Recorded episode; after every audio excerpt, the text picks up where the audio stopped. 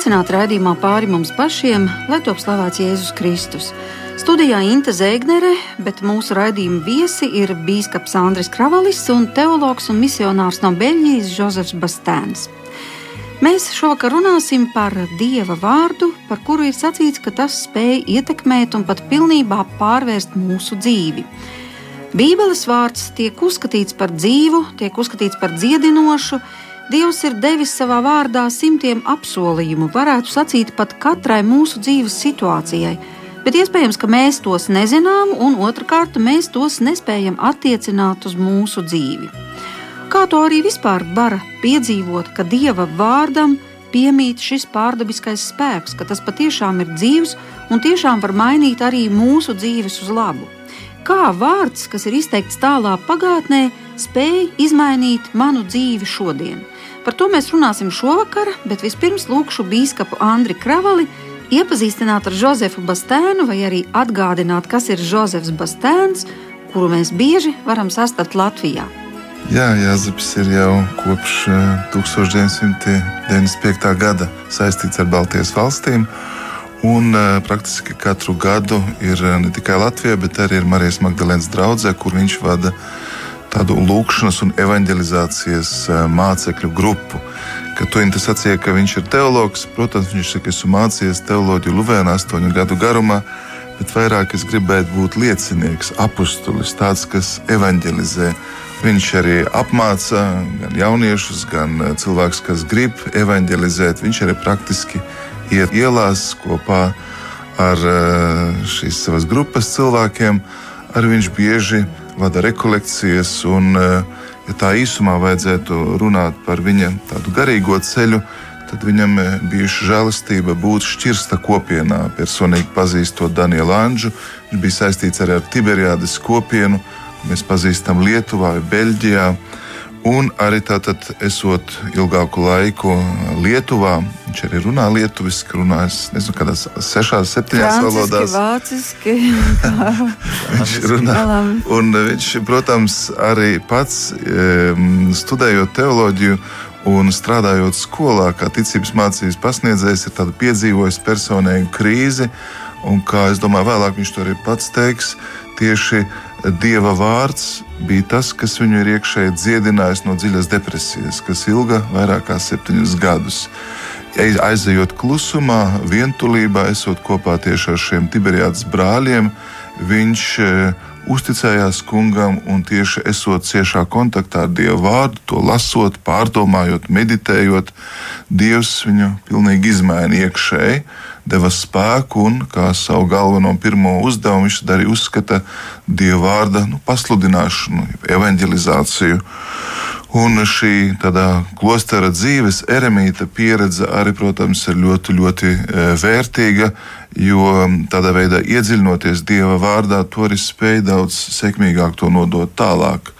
Viņš arī vada daudz uh, lekcijas, nodarbības, ir pazīstams šeit ne tikai katoļu uh, konfesijā, bet bieži vien arī mūsu ticības brāli, citas konfesijas viņa aicina pie sevis. Un prieks, ka šī vakarā klausītājiem būs iespēja viņu dzirdēt.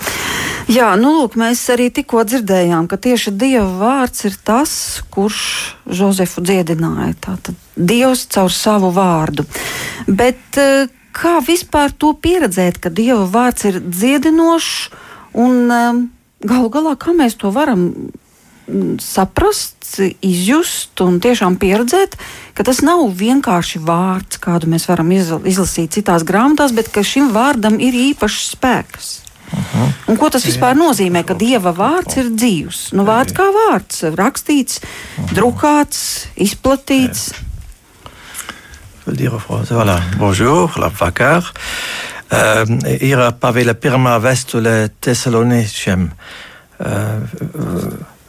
Tāpēc mēs arī pastāvīgi pateicamies Dievam, ka jūs uzklausījoši mūsu sludinātos Dieva vārdus, tos esat uzņēmuši nevis kā cilvēku, bet kā Dieva vārdus, kas tie patiesībā arī ir.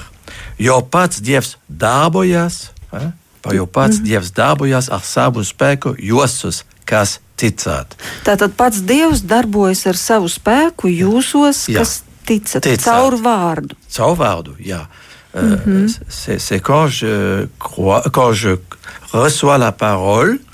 Kad, kad es saņemu Dieva vārdu, es to uh, nesaņemu vienkārši kā cilvēcisku teiku vārdu. Uh, quand je proclame cette parole à, à mon âme, es varu šo vārdu pasludināt pats sev. Tad, tad uh, sludināt pirmkārt savai dvēselē, lai tā atgrieztos. Que je produis la foi. Un manī tieši tad dzimst ticība, jo uh, svētie raksti uzsver, ka ticība nāk no dzirdētā vārda. Tad, vārds nāk kā sēkla mūsos, un mūsos atmostās ticība. Un varbūt atbildēt uz šo jautājumu, eh, Jānis vēlas teikt, ka eh, mēs nepieņemam vārdu eh, kā vienkārši cilvēka vārdu, bet šis ir dieva iedvesmots vārds. Viņš ir pilns apsolījuma, un mēs viņā neklausāmies kā parastos vārdos, bet lai dieva vārds būtu auglīgs, lai tas īstenot to, ko tas saka, ir nepieciešama ticības dāvana. Un tad tas kļūst dzīves un arī iedarbīgs. Uh mhm. -huh. Jā, apustulis Pāvils eh, vēstulē ebrejiem ir rakstījis, ka Dieva vārds ir dzīvs, uh mhm. -huh. spēcīgs, asāks uh -huh. par katru abās pusēs griezīgu zobenu. Tas spiežas dziļi iekšā, līdz kamēr pāršķiļ mūsu dvēseli un garu locekļu smadzenes. Uh -huh. Viņš ir domu un prāta un sirds tiesnesis. Ja? Spēcīgi teikts. Un tagad paņemsim praktiski. Es vakarā atšķiru mājās Bībeli, nu pieņemsim uz labu laimi. Es atšķiru Daniela grāmatu vai Jeremijas grāmatu. Jebkuru vietu Bībelē es izlasu veselas divas lapas. Un es neko no tā nepiedzīvoju. Ne to, ka tas ir dzīves, ne to, ka tas ir asāks par zobenu, ne to, ka tas mani ir ietekmējis. Tad kāpēc tā? Taču viņam tūlīt būtu jādarbojas. Voilà. La première chose que Là, là, il faut bien distinguer entre les écritures, qui, une parole, qui sont des paroles mortes, et la parole vivante. Tad, tad es uzreiz gribētu, lai klausītāji saprot, ka ir svēto rakstu vārdi, ir teikumi, ir notikumi, kurus mēs lasām, un tie var būt kā priekš mums miris vārds, nedzīvs vārds tie tiešām izlasot, šķiet neko mūsos nedara, bet ir dzīves un iedarbīgs vārds. Un tad, tā būtu e, tāda pirmā e, izpratne par šīm divām kategorijām, divām e, vārda darbības sfērām. Bet runa ir tieši par Bībeles vārdu, par Dieva vārdu. Tātad vienā gadījumā tas mūsos nedarbojas, bet citā darbojas. Attention, la, euh, la, la parole écrite La parole décrite, euh, Saint Paul dit la lettre tue. Vēstulē Pāvils saka tā, ka vārds nogalina īstenībā. Kā rakstītais burts nogalina. Otrā korintiešiem viņš to saka.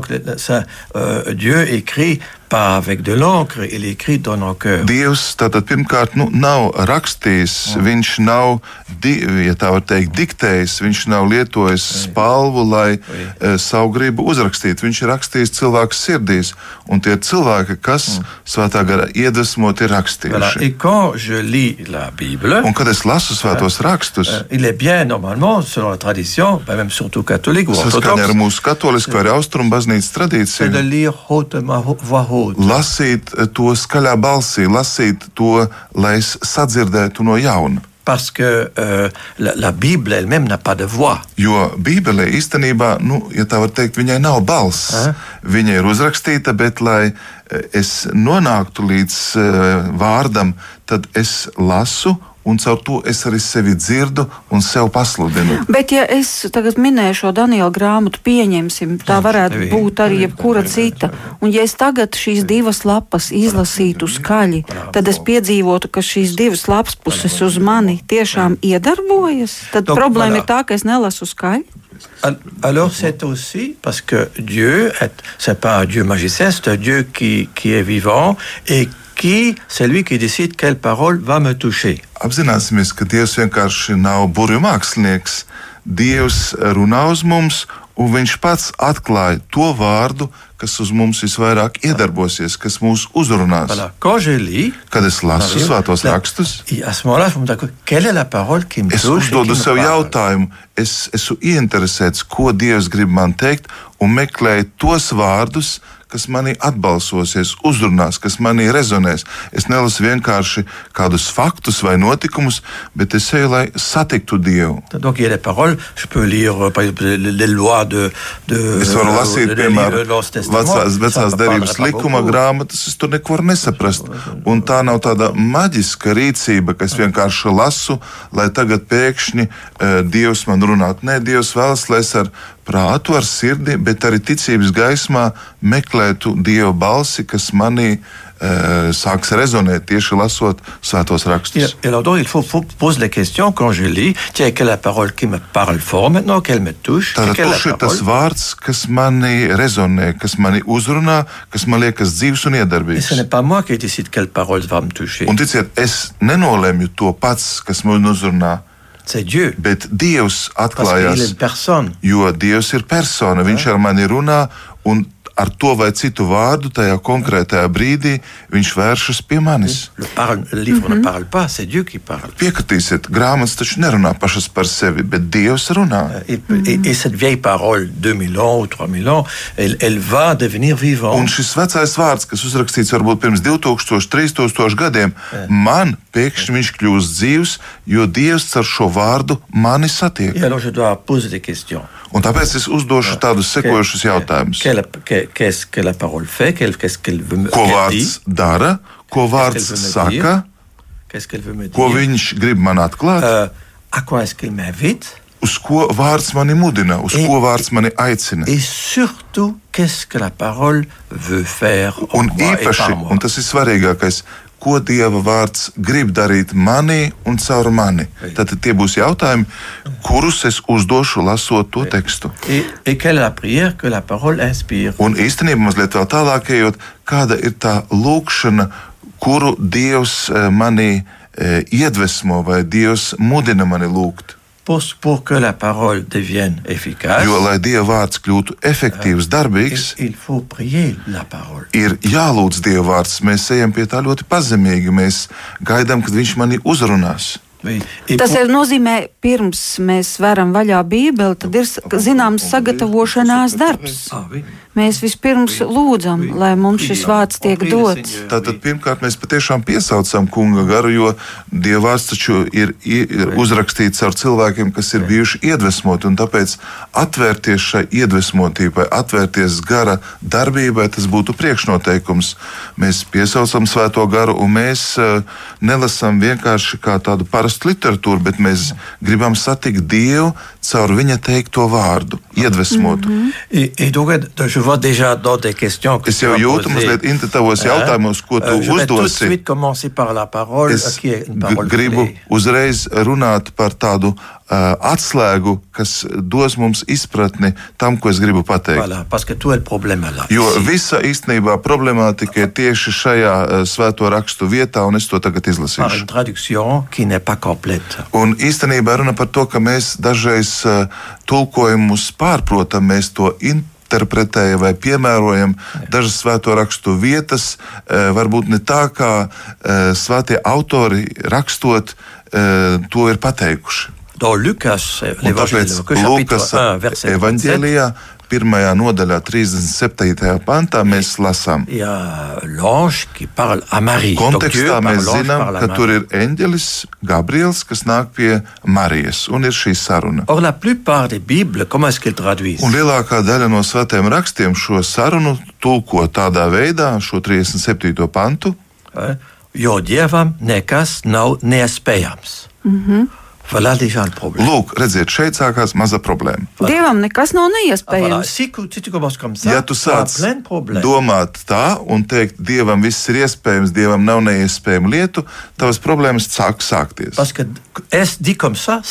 Jo, ja mēs tā izprotam, tad tā ir aplama izpratne. Ir pateikts kaut kas cits. Kāpēc? Jo, ça- que Dieu peut tout faire. Mēs taču saprotam labi, ka Dievs nevar visu izdarīt. Il, il ne sait rien faire sans nous puisqu'il nous donne la liberté. Viņš neko nevar izdarīt bez mums, ja mēs tam nepiekrītam, ja mēs savu brīvību viņam neatdodam. C'est une règle, rien sans Ja Dieu, mēs rien sans homme. Neusticamies. Tad, tad ļoti svarīga tāda dzīves regula, prakse. Nekas bez dieva, bet arī nekas bez cilvēka. Dieu refuse de faire quelque chose sur notre. Dievs nevēlas kaut ko darīt, ja cilvēks nepiekrīt, ja cilvēks to neļauj. Voilà. Viņš respektēs cilvēka Alors, brīvību. la, Un tāpēc atgriezīsimies pie šī teikuma. Pirmā Lūkas traduction. 1,37. Oh, la vraie Mēģināsim saprast, ko tad Dieva vārds pareizi iztulkojot mums saka. Grieķu valodā ir ļoti svarīgs vārds, kas grieķiski skan rema. Rema. Or, rema Un šis vārds rema īstenībā mums uh, liek saprast divas lietas, divas realitātes, ko mēs apzīmējam ar šo vārdu. Et mélange. Un par nožēlu mēs šīs divas nozīmes jaucam. Tāpēc viņas ir jānošķir un labi jāsaprot. Voilà. Sens, Pirmā nozīme vārdam rema ir vārds. Normalement, la première traduction, Īstenībā būtu jātulko tā. aucune parole de Dieu est Neviens dieva vārds nav neiespējams. Donc, tout ce que Dieu dit, il va le Tā faire. tad jāsaprot, ka viss, ko Dievs saka, ko Dievs atklāja, viss tas ir iespējams. Ja cilvēks to pieņem savā ticībā, hein, c'est important. Tas ir ļoti svarīgi. Bet otrs eh, tulkojums, jeb nozīme šim vārdam grieķu valodā rema, chose ou réalité. ir lieta jeb realitāte. Ah, alors, la plupart des Bibles prennent ce mot-là pour traduire. Bet lielākā daļa svēto rakstu tulkotāji ņem tātad lieta. Neviena lieta dievam nav neiespējama. Voilà. Aptuveni Or, tā. or, ça, ça ne va pas. Bet īstenībā tur arī nav pareizi. Or, comment est-ce qu'il faut le comprendre Kā ir jāsaprot šo svēto rakstu vietu tā, lai mēs patiešām gūtu garīgu labumu? Toute parole qui vient de Dieu Visi vārdi, kas nāk no dieva, viņiem ir spēks piepildīties. Un viņi var kļūt rema, tātad vārds kļūst par realitāti mūsos. Tātad vārds devient réalité. kļūst par realitāti Rema. Tad, tad redziet, šis vārds kā ar, ar divām nozīmēm. Et Marie, Un- elle répond très bien à Tad mēs saprotam labāk, kāpēc Marija atbild, ko Marija saka uz eņģeļa pasludināšanu, jo Marija dod atbildi. Ce Rema. Elle répond. Un viņa atsaucās uz šo rēma, tātad uz šo eņģeļa piedāvājumu. Viņa nesaka, euh, je vais maintenant faire ce es que tu dis. darīšu visu, ko Dievs tagad man ir pateicis. Tas- Viņa neatbild tā. Ça, c'est typiquement masculin. Bieži vien tā ļoti vīrišķīga vīrieša atbild, es izpildīšu, ko tu man pavēli, es paklausīšu, es tulīt to darīšu. Ar to nepietiek. Parce qu'il y a, c'est vrai que Jésus, à un moment donné, il dit que euh, celui qui écoute la parole, euh, c'est quelqu'un comme quelqu'un qui, qui, qui, qui les pratique. Protams, Jēzus arī saka, ka kāds, kas klausa manu vārdu, to arī e, pielieto. Viņš arī paklausa tam vārdam, ko viņš dzird. Protams, jā. Mais, mais ça, ne, ça ne suffit pas le pratiquer. Ar to nav pietiekami, ka mēs tikai praktizējam. Parce que Dieu, comme nous avons lu en Thessaloniciens, Dieu lui-même veut travailler. Jo, kā mēs lasījām vēstulē Thessaloniķiešiem, Dievs caur Pāvilu saka, bet Dievs pats grib darboties. Viņš negrib tikai mūs sūtīt, bet viņš grib parādīt savu spēku. Et c'est pour ça que Marie dit, Un tāpēc Marija mums saka, lai notiek ir mani pēc tava vārdā.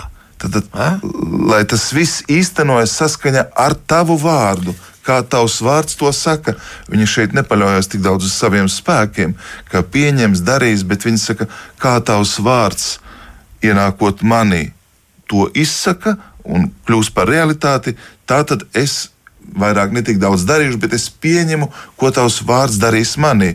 Tavs vārds manī kļūst par realitāti. Tā ir ļoti pasīva darbība. Et on voit ça très bien quand Marie va chez Élisabeth. Un mēs arī to ļoti labi redzam, kad Marija dodas pie Elizabetes. Quand Marie suffit, parce qu'elle porte déjà Marija parole jau nes dzīvo Dieva vārdu. Tas ir pats Jēzus, kas ir viņā. est devenue Jo vārds ir kļuvis miesa viņā.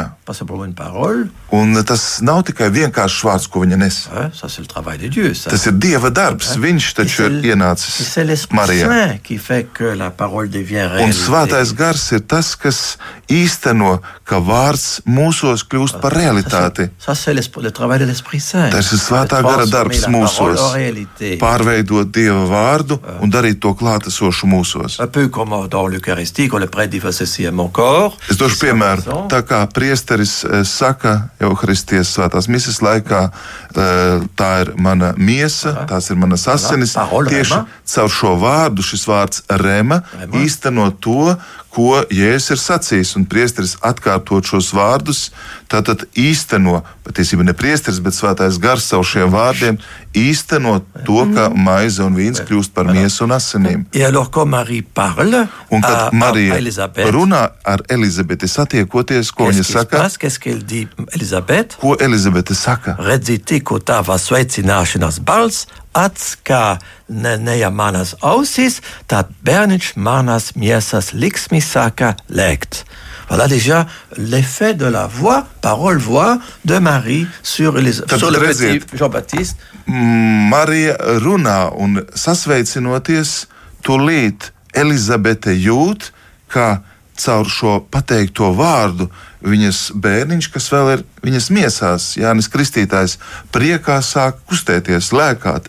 Viņš sajūt, kā vārds iedarbojās uz viņu. Donc c'est déjà le prophète, la première action de, du prophète Jean-Baptiste, la première fois qu'il agit, c'est parce qu'il entend la parole de Dieu par Marie. Ko Jānis Kristītājs, tad lielais pravietis dara, viņš jau darbojas mātes miesās, jo ir dzirdējis vārdu kas viņu skar, kas viņu uzrunā. Un tāpēc viņš tādā veidā uz to reaģē. Un ko tad Elizabete saka? Un tas apstiprina to, ko mēs sacījām. Labi, te, kas ir ticējosi, kas tas, kā tas, ko Dievs vinai licicācit, piepildīsies. Voilà, mm -hmm. vraiment est accompli. Tātad, tātad sveitīga tā, tas, kas jā. tic, ka Dieva teiktais viņā piepildīsies. Tad Marija kļūst šeit par nu, Dieva nesēju, un Elizabete atzīst, ka viņa ir svētīga, jo viņa ir ieticējusi Dieva vārdam, Labi. Dieva vārda piepildījumam. Mm -hmm. Uh, vienalga, praktiski sadalīsim to pēc 21. gadsimta tradīcijām divās daļās. Pirmais Dievam nekas nav neiespējams, neapstrīdama vispār lieta. Tas tā arī ir. Dievam nekas nav neiespējams. Viņam viss ir iespējams. Tātad sanāk, ka problēma ir mūsu pusē, ka mēs tam nespējam noticēt. Ka viņš var darboties bez jebkādām robežām. Viņš tiešām var darboties un vēlas darboties, bet viņš tomēr respektē cilvēka brīvību un viņš gaida apzinātu cilvēku atbildi. Jo mēs redzam, ka cilvēki, kas var pateikt nē, kas var pretoties Dieva vārdam, vai arī vienkārši, nu, kā iesākumā tu sacīji, mēs izlasām vienkārši bez īpašas intereses, sagatavotības.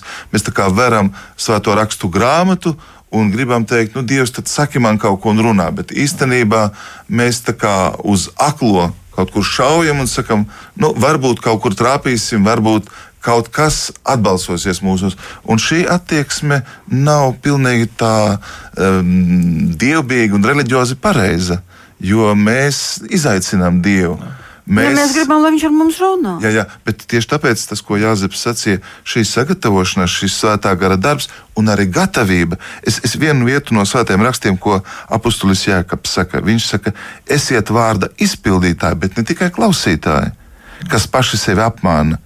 Jo, ja kāds ir vārda klausītājs, bet nav pildītājs, tas līdzīgs vīram, kas raugās uz uh, saviem sēnes vaipstiem spogulī sevi aplūkoja, tas aiziet un aizmirst, kāds bija.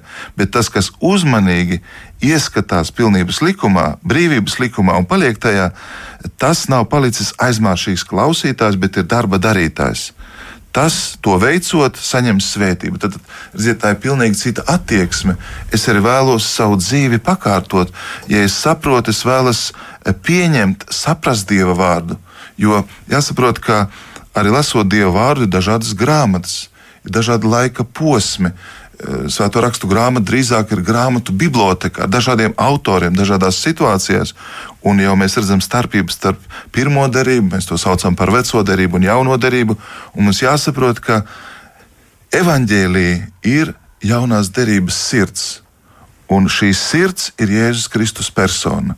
Un tieši iepazīstot Jēzus Kristus personu, mēs sākam pareizi saprast līdzības, sākam pareizi saprast uh, Dieva atklāto gudrību, sākam varbūt saprast gan gudrības literatūru, sakām vārdus, psalmus. Tāpēc, uh, manuprāt, ir ļoti būtiski uh, meklēt Kristu Dieva vārdā, meklēt viņa klātbūtni. Ja? Un tad ar Kristus pazīšanu, svētā gara spēkā, mēs daudz labāk arī atbildam, īstenojam, saprotam, ko Dievs ir vēlējies mums teikt.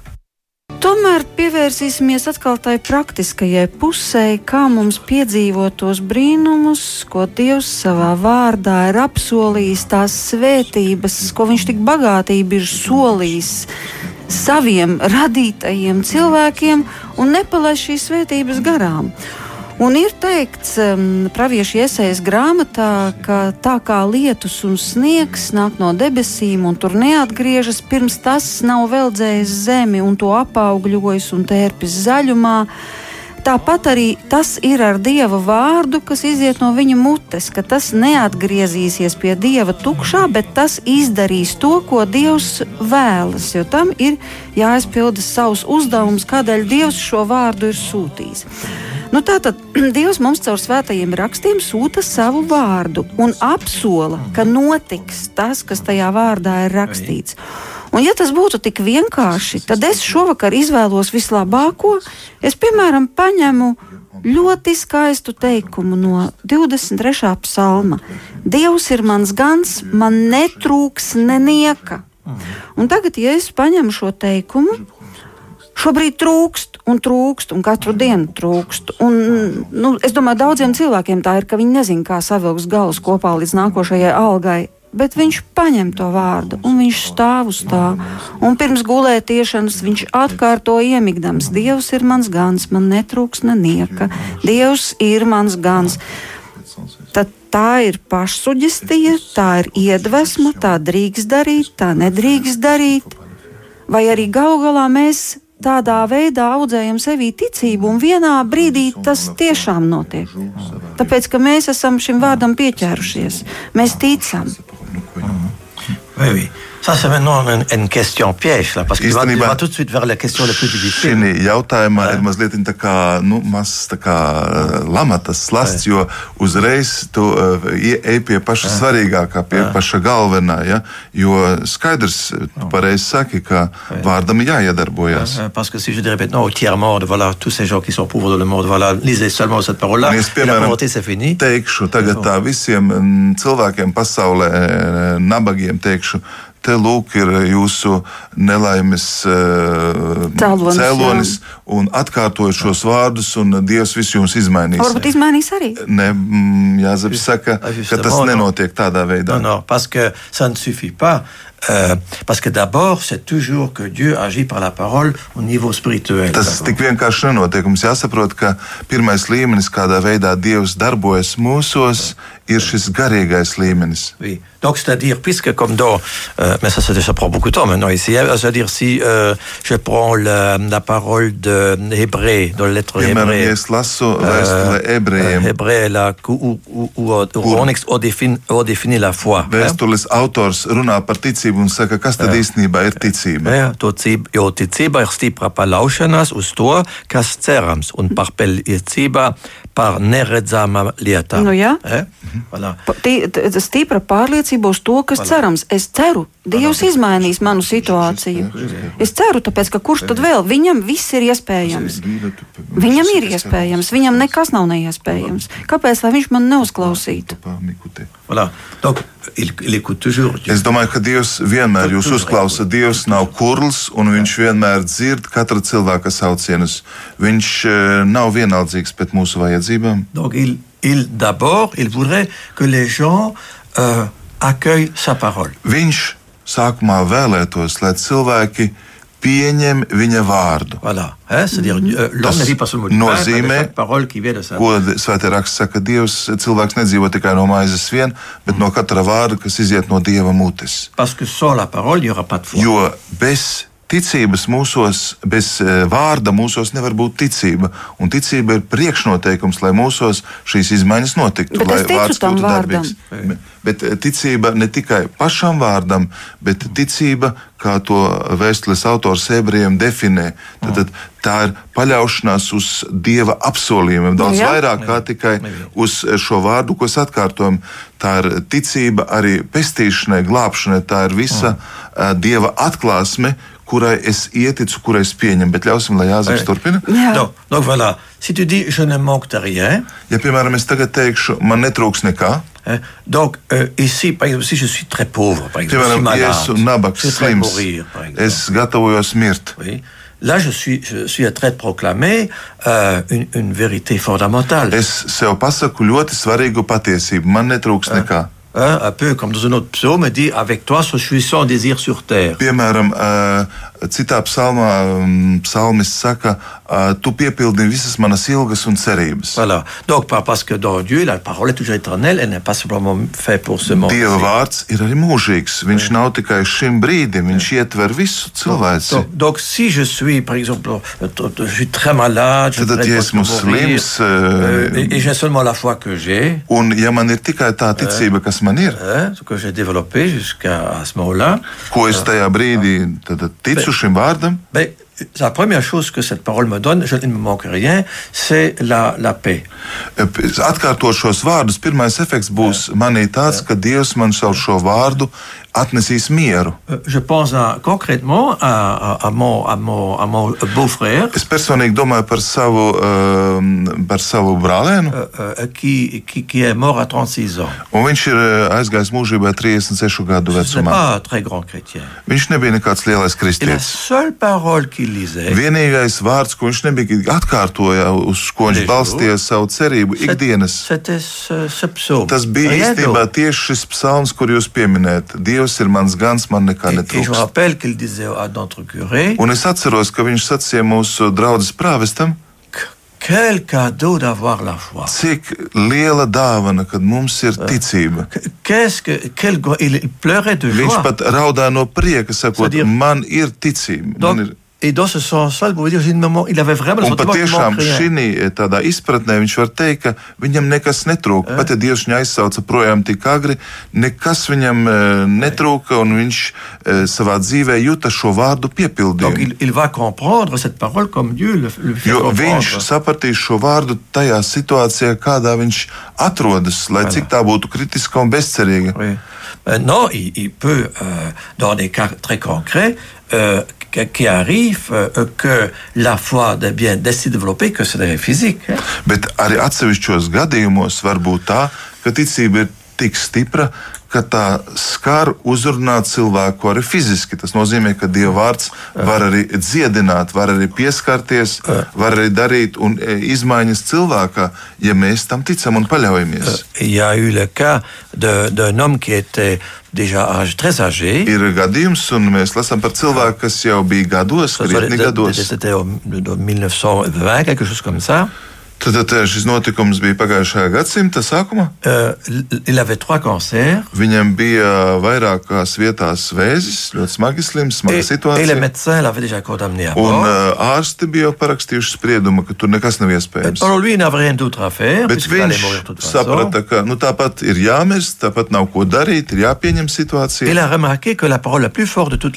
Viņš izdomāja un saprata un atrada, ka visstiprākie vārdi, kas ir svētajos rakstos, ko viņš atkārtoja, l'évangile Marc chapitre 11, no Marka evaņģēlija 11. nodaļas. ve- versets 23 et 24. 23. 24. pants. Voilà, il est marqué. Un tur ir rakstīts, Jo, jo patiesi es jums saku, ja kā šim kalnam sāci celties un mēties jūrā un nešaubiesi savā sirdī, bet ce qui vient le plus Tagad, kas ir svarīgākais šajā vietā? bez tices, ka notiks, ko viņš saka, tad viņam tas notiks. Tad, saskaņā ar ticību tas arī tā notiks. Ja. Et alors il dit plus tard, Un mazliet tālāk, tāpēc es jums saku, tāpēc visu, ko jūs lūgdami lūgsit, ticiet, kā jūs dabūsiet, tad tas jums notiks. Amen.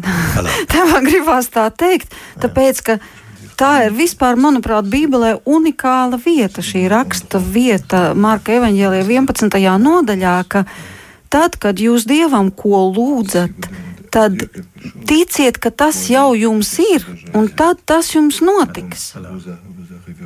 Varbūt jūs varat drusku paskaidrot. Ko viņš saka. Ko tad, viņš saka? Tad, tad ja? šeit uzsvars ir to, ko viņš saka. Tas nozīmē ne tikai, ko Dievs tā var teikt, iesaka mums, bet šeit, ko viņš saka, te ir runa par viņa vārdu, ko viņš ir pateicis, atklājis.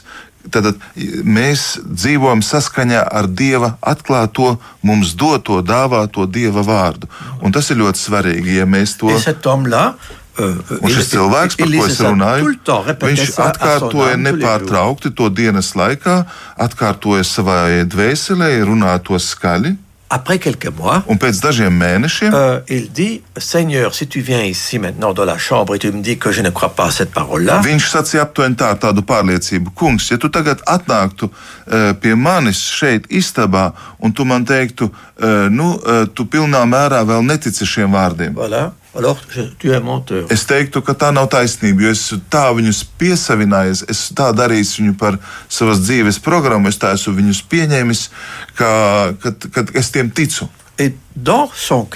Un viņa gadījumā šis slimais cilvēks ar trīs audzējiem, ko ārsti bija norakstījuši, viņš tika izdziedināts. Un ārsti to nekad nevar ne tikai saprast, izskaidrot. Viņš arī pats brīnījās par to, kas ar viņu noticis. Bet viņš praktizē šos vārdus, šo apsolījumu ļoti stipri, nepārtraukti. Bet uzmanīgi, Dievs arī ir brīvs, mēs nevaram viņu piespiest tā nav metode, kur mēs uh, sevi pārliecinām vai cenšamies pārliecināt Dievu. Dievs ir uh, skolotājs, Dievs ir kungs un valdnieks. Un tāpēc ļoti svarīgs apgalvojums, ja lūkšana tevi nemaina, tad izmaini savu lūkšanas Jā. veidu, jeb veidu, kā tu lūdzies, un tad tu piedzīvosi dieva darbību. Tad, tad, tad, tad zinām, mērā lūkšanai ir jāevanģelizē, tā ir mums jāmaina. Donc, prie, exemple, guérison, ja mēs, piemēram, ar kādu vai par kādu cilvēku lūdzamies, lai Dievs viņu dziedina, de, de. Nekad nevajag lūgt tādā veidā, ka kungs viņu izdziedini bez jebkādiem, ehm, teikt, eh, nu, noteikumiem, ehm, neuzstādot eh, nekādas ierobežojumus. Nevajag nekad tādā veidā prasīt to. Prier le plan de Dieu. Sākumā vajag teikt, lai Dievs īstenojās tavs plāns. Tev, kungs, ir kāds redzējums par to, kas šim cilvēkam būs pareizāk un labāk, un to vajag arī respektēt. Voilà, donc le, donc le, le plan que tu as avec cette personne-là, se réalise. Tas plāns, kāds tev ir šī cilvēka dzīvē, lai tas īstenojas. Un tā ir pirmais lūgums, ko Dievam es saku, bet nevis vienkārši, lai tā būtu fiziskā, varbūt tā mirkļa dziedināšana. Bet, ja tas nav saskaņā ar Dieva plānu, tad tas nenāks cilvēkam pat par labu. Donc, le, le plan de Dieu peut être meilleur que la guérison. Tātad Dieva plāns var būt vēl labāks kā fiziska dziedināšana, un mēs to arī redzam. Šodienas tieši evaņģēlijā bija jautājums, tad, nu, kāpēc cilvēki e, tiek nogalināti vai, vai mirst, un Jēzus saka, jūs visi mirsiet, ja jūs neatgriezīsieties. Un ir vēl otra nāve. Ir tātad ne tikai fiziskā nāve, bet arī garīgā nāve. Un tā ir daudz briesmīgāka. Un no tā Dievs grib mūs pasargāt. Ja Dievs daudzkārt svētos rakstos dziedina cilvēks, tad viņš nevēlas būt kā vienkārši brīnuma darītājs vai caur to parādīt savu visvarenību, bet vienmēr dziedināšana ir saistīta ar pestīšanu, ar ticību, ar cilvēka, ja tā var teikt, glābšanu kas cilvēkam tiek piedomā, piedāvāts. Var teikt, ka tajā mm, brīdī, kad šī dziedināšana notiek, Dievs ir iedevis cilvēkam otro iespēju. Jā, bet eh, nu, tas varbūt, varbūt eh, sakārtot es, savā es dzīvē. Teikt, ka šī dziedināšana vienmēr notiek divos līmeņos, un Jēzus pat to evaņģēlijā ļoti labi parāda. Viņš sākumā saka, tavi grēki tev tiek piedoti, kas skandalizē cilvēku. Dievs taču var tikai piedot. Ja es uzreiz to cilvēku varu piecelt, bet viņš sāk ar grēku piedošanu, jo redz cilvēkā ticību, un pēc tam, kā zīme tam, ka viņš var augšām celt, ka viņš var dziedināt, viņš var uzmodināt no, no miroņa. Viņš saka, ņem savu gultu, celies un staigā. Tā ir kā zīme, kas atgādina citiem, ka viņš patiešām ir nu, atguvis arī garīgo veselību. Tad, tad, protams, Dievs, es domāju, piešķir nemitīgi, un mēs arī pat labāk dzīvojam ar šo otro iespēju. Nenoliedzami, Dievs vienmēr ir pacietīgs, lēnprātīgs, un Dieva vārds to nemitīgi atgādina, lai mēs izmantojam labi mums doto piešķirto laiku. Bet arī Dieva nu, žēlsirdība nav neierobežota. Mums ir savs noteikts laiks, mums ir savi uzdevumi, un mēs nezinām, cik ilgi šī žēlastība, kā sakraments, laiks mums ir dots. Tāpēc neatliksim to atgriešanās eh, dāvanu uz vēlākiem laikiem. Tagad ņemsim, ieticēsim, paklausīsim Dieva vārdam, un mēs piedzīvosim, kā Dieva vārds nes mūsos augļus. Bet tur arī ļoti bieži evanģēlijos ir teikts, Jēzus saka, lai tev notiek pēc tavas ticības. Un citreiz viņš nemaz nav uh, domājis dziedināt to cilvēku. Tur, teiksim, tur vienas sievietes gadījumā, kad viņa lūdza par savu meitu, bet viņa tikmēr, varētu teikt, diedelēja un teica un teica un teica, kamēr viņš viņai pateica, tava ticība tev ir palīdzējusi, vai tava ticība, un viņš ļoti uzsver tieši to, tava ticība, un tad man liekas, Bet varbūt mēs vienkārši neesam drosmīgi savā ticībā.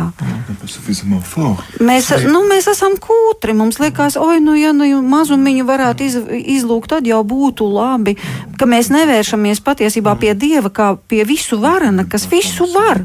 Mēs ierobežojam Dieva darbību, tāpēc, ka mums šķiet, nu, ja jau kaut kādu mazu brīnumiņu rītdienai, tad jau labi būs. Mēs pārprotam to pazemību kā Dieva bērni. Tā nav? Je dirais euh, ceci d'abord. Quand Dieu demande quelque chose, es teikšu tā, ka Dievs kaut ko no mums lūdz, il le donne. Viņš vienmēr to mums jau dod. Lui-même. Viņš pats Donc, mums to piešķir. Tad, visu, ko Dievs no mums lūdz, On n'a même pas plus, plus, plus besoin de lui demander donne-le, puisqu'il le donne mums déjà. pat nav jāprasa, kungs, dod to man, jo vēršoties pie viņa, viņš jau mums dod. Mon travail, c'est de l'accueillir. Jo mans īstenībā darbs ir to pieņemt. Et, et Un kādā veidā pieņemt šo dieva gribu. Un tieši tas, ko jūs jautājat, mēs nezinām, kā tad dieva gribu pieņemt, kā to varam īstenot, kas ir nepieciešams. eh, euh, pardonne ton ennemi, Piemēram, Dievs tev saka, piedod tavam ienaidniekam, kas cilvēciski pardon. šķiet pilnīgi neiespējami. Un cilvēkam ir jāatzīst, ka es ar saviem spēkiem to nespēšu. Un Dievs teiks, jā, es to zinu, mais, tu tas esi. demande, Bet tā kā es tev to lūdzu, lai tu to dari, tu tev ir žēlastība, Donc, tu to spēj. Tātad tev ir tikai jāpieņem mana žēlastība, jānotic, un īstenībā tā nu, ieticēšana notiek caur Dieva vārdu, ko comment- Dievs dod. Un tad, kā mums to pieņemt, Eh ben, ir veids, kā mēs to darām. Tātad pasludināt sev parole dit šo Dieva doto man teikto vārdu à ton âme blessée. Savai ievainotai dvēselē. Ne pas. Jo tava ievainotā dvēsele uzreiz neietic, viņai ir jāpārliecina.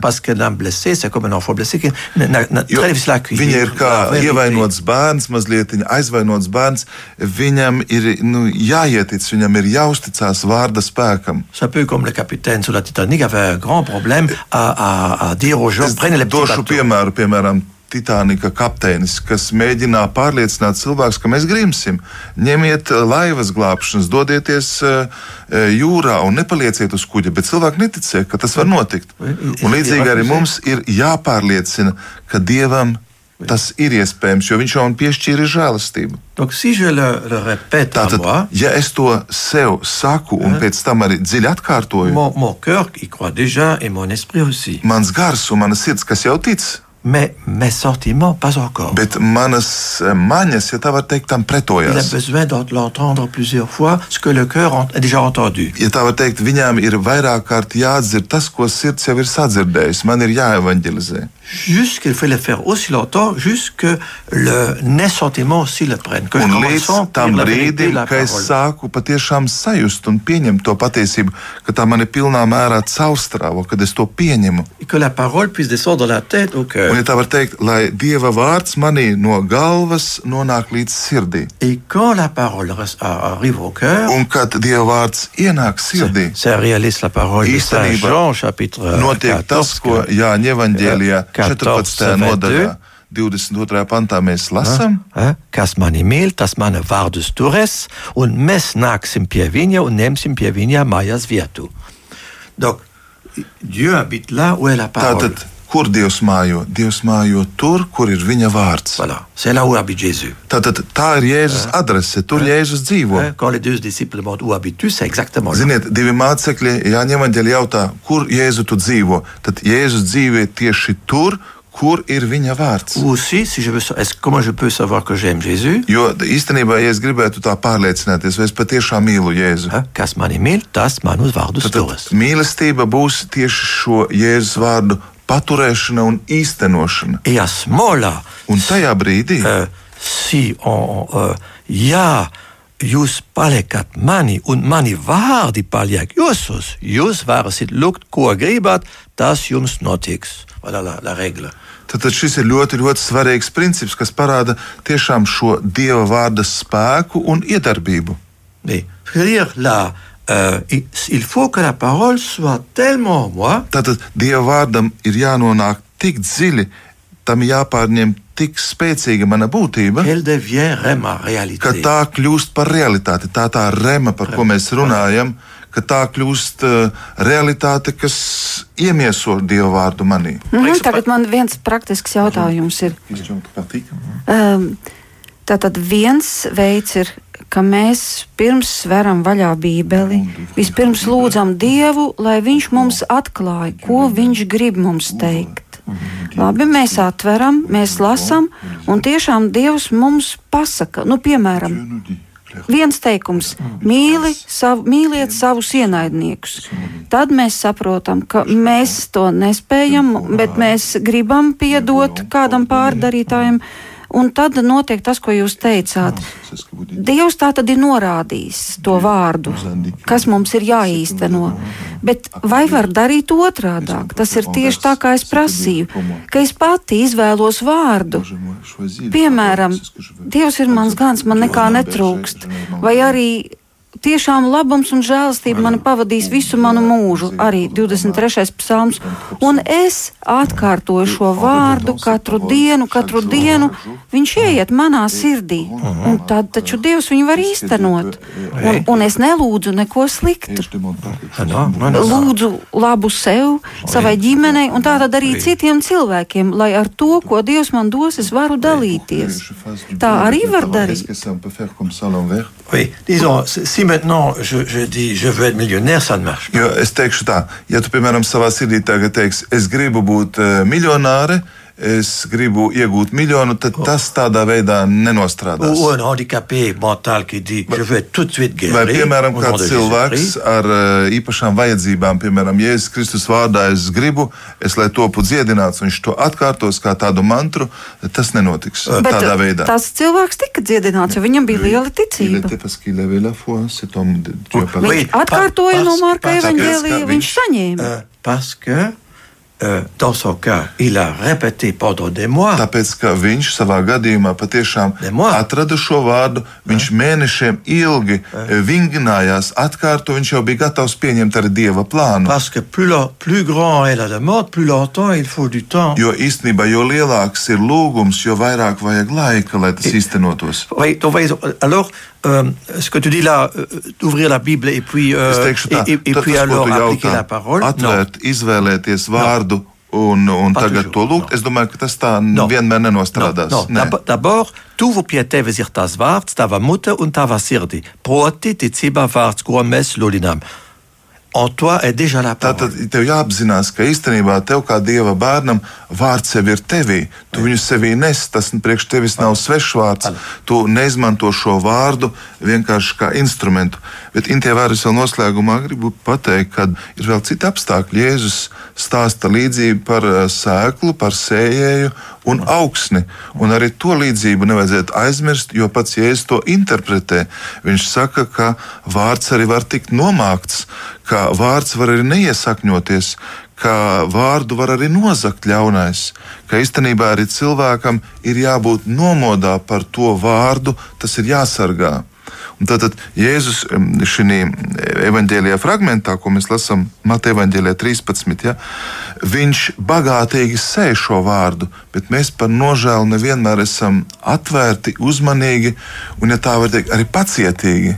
Jo arī, lai dievvvārds īstenotos, ir vajadzīgs laiks, pazemība, ir jāsadarbojas ar dieva žēlastību. E, vārds vienmēr arī ir saistīts ar kalpošanu, un Jāzeps savā kalpošanā uzsver, ja mēs nevēlamies dalīties ar dievu vārdu, ja mēs nevēlamies to atklāt, e, dziļāk iepazīt, skaidrot, palikt Dieva vārda klātbūtnē, tad mēs vēl pilnā mērā neesam Jēzus sekotāji. Tad Dieva vārds nav mūs pārveidojis. Ja? Tad, tad tas ir arī mīlestības jautājums, ka atklājot kādam Dieva vārdu, mēs izdarām viņam vislielāko pakalpojumu, jo viņš redz nu, savu glābšanu, savu pestīšanu. Mēs atveram viņam durvis uz debesu valstību. Raidījumā pāri mums pašiem tikāmies ar biskupu Andriu Kravali, kā arī teologu un misionāru no Beļģijas Jozefu Bastēnu. Šo raidījumu mēs veltījām svētajos rakstos izteiktajam vārdam, kas spēja nevien ietekmēt, bet pat pilnībā mainīt ik viena cilvēka dzīvi. Kopā ar jums šovakar studijā bija Inte Zēgnere. I will praise you till I die.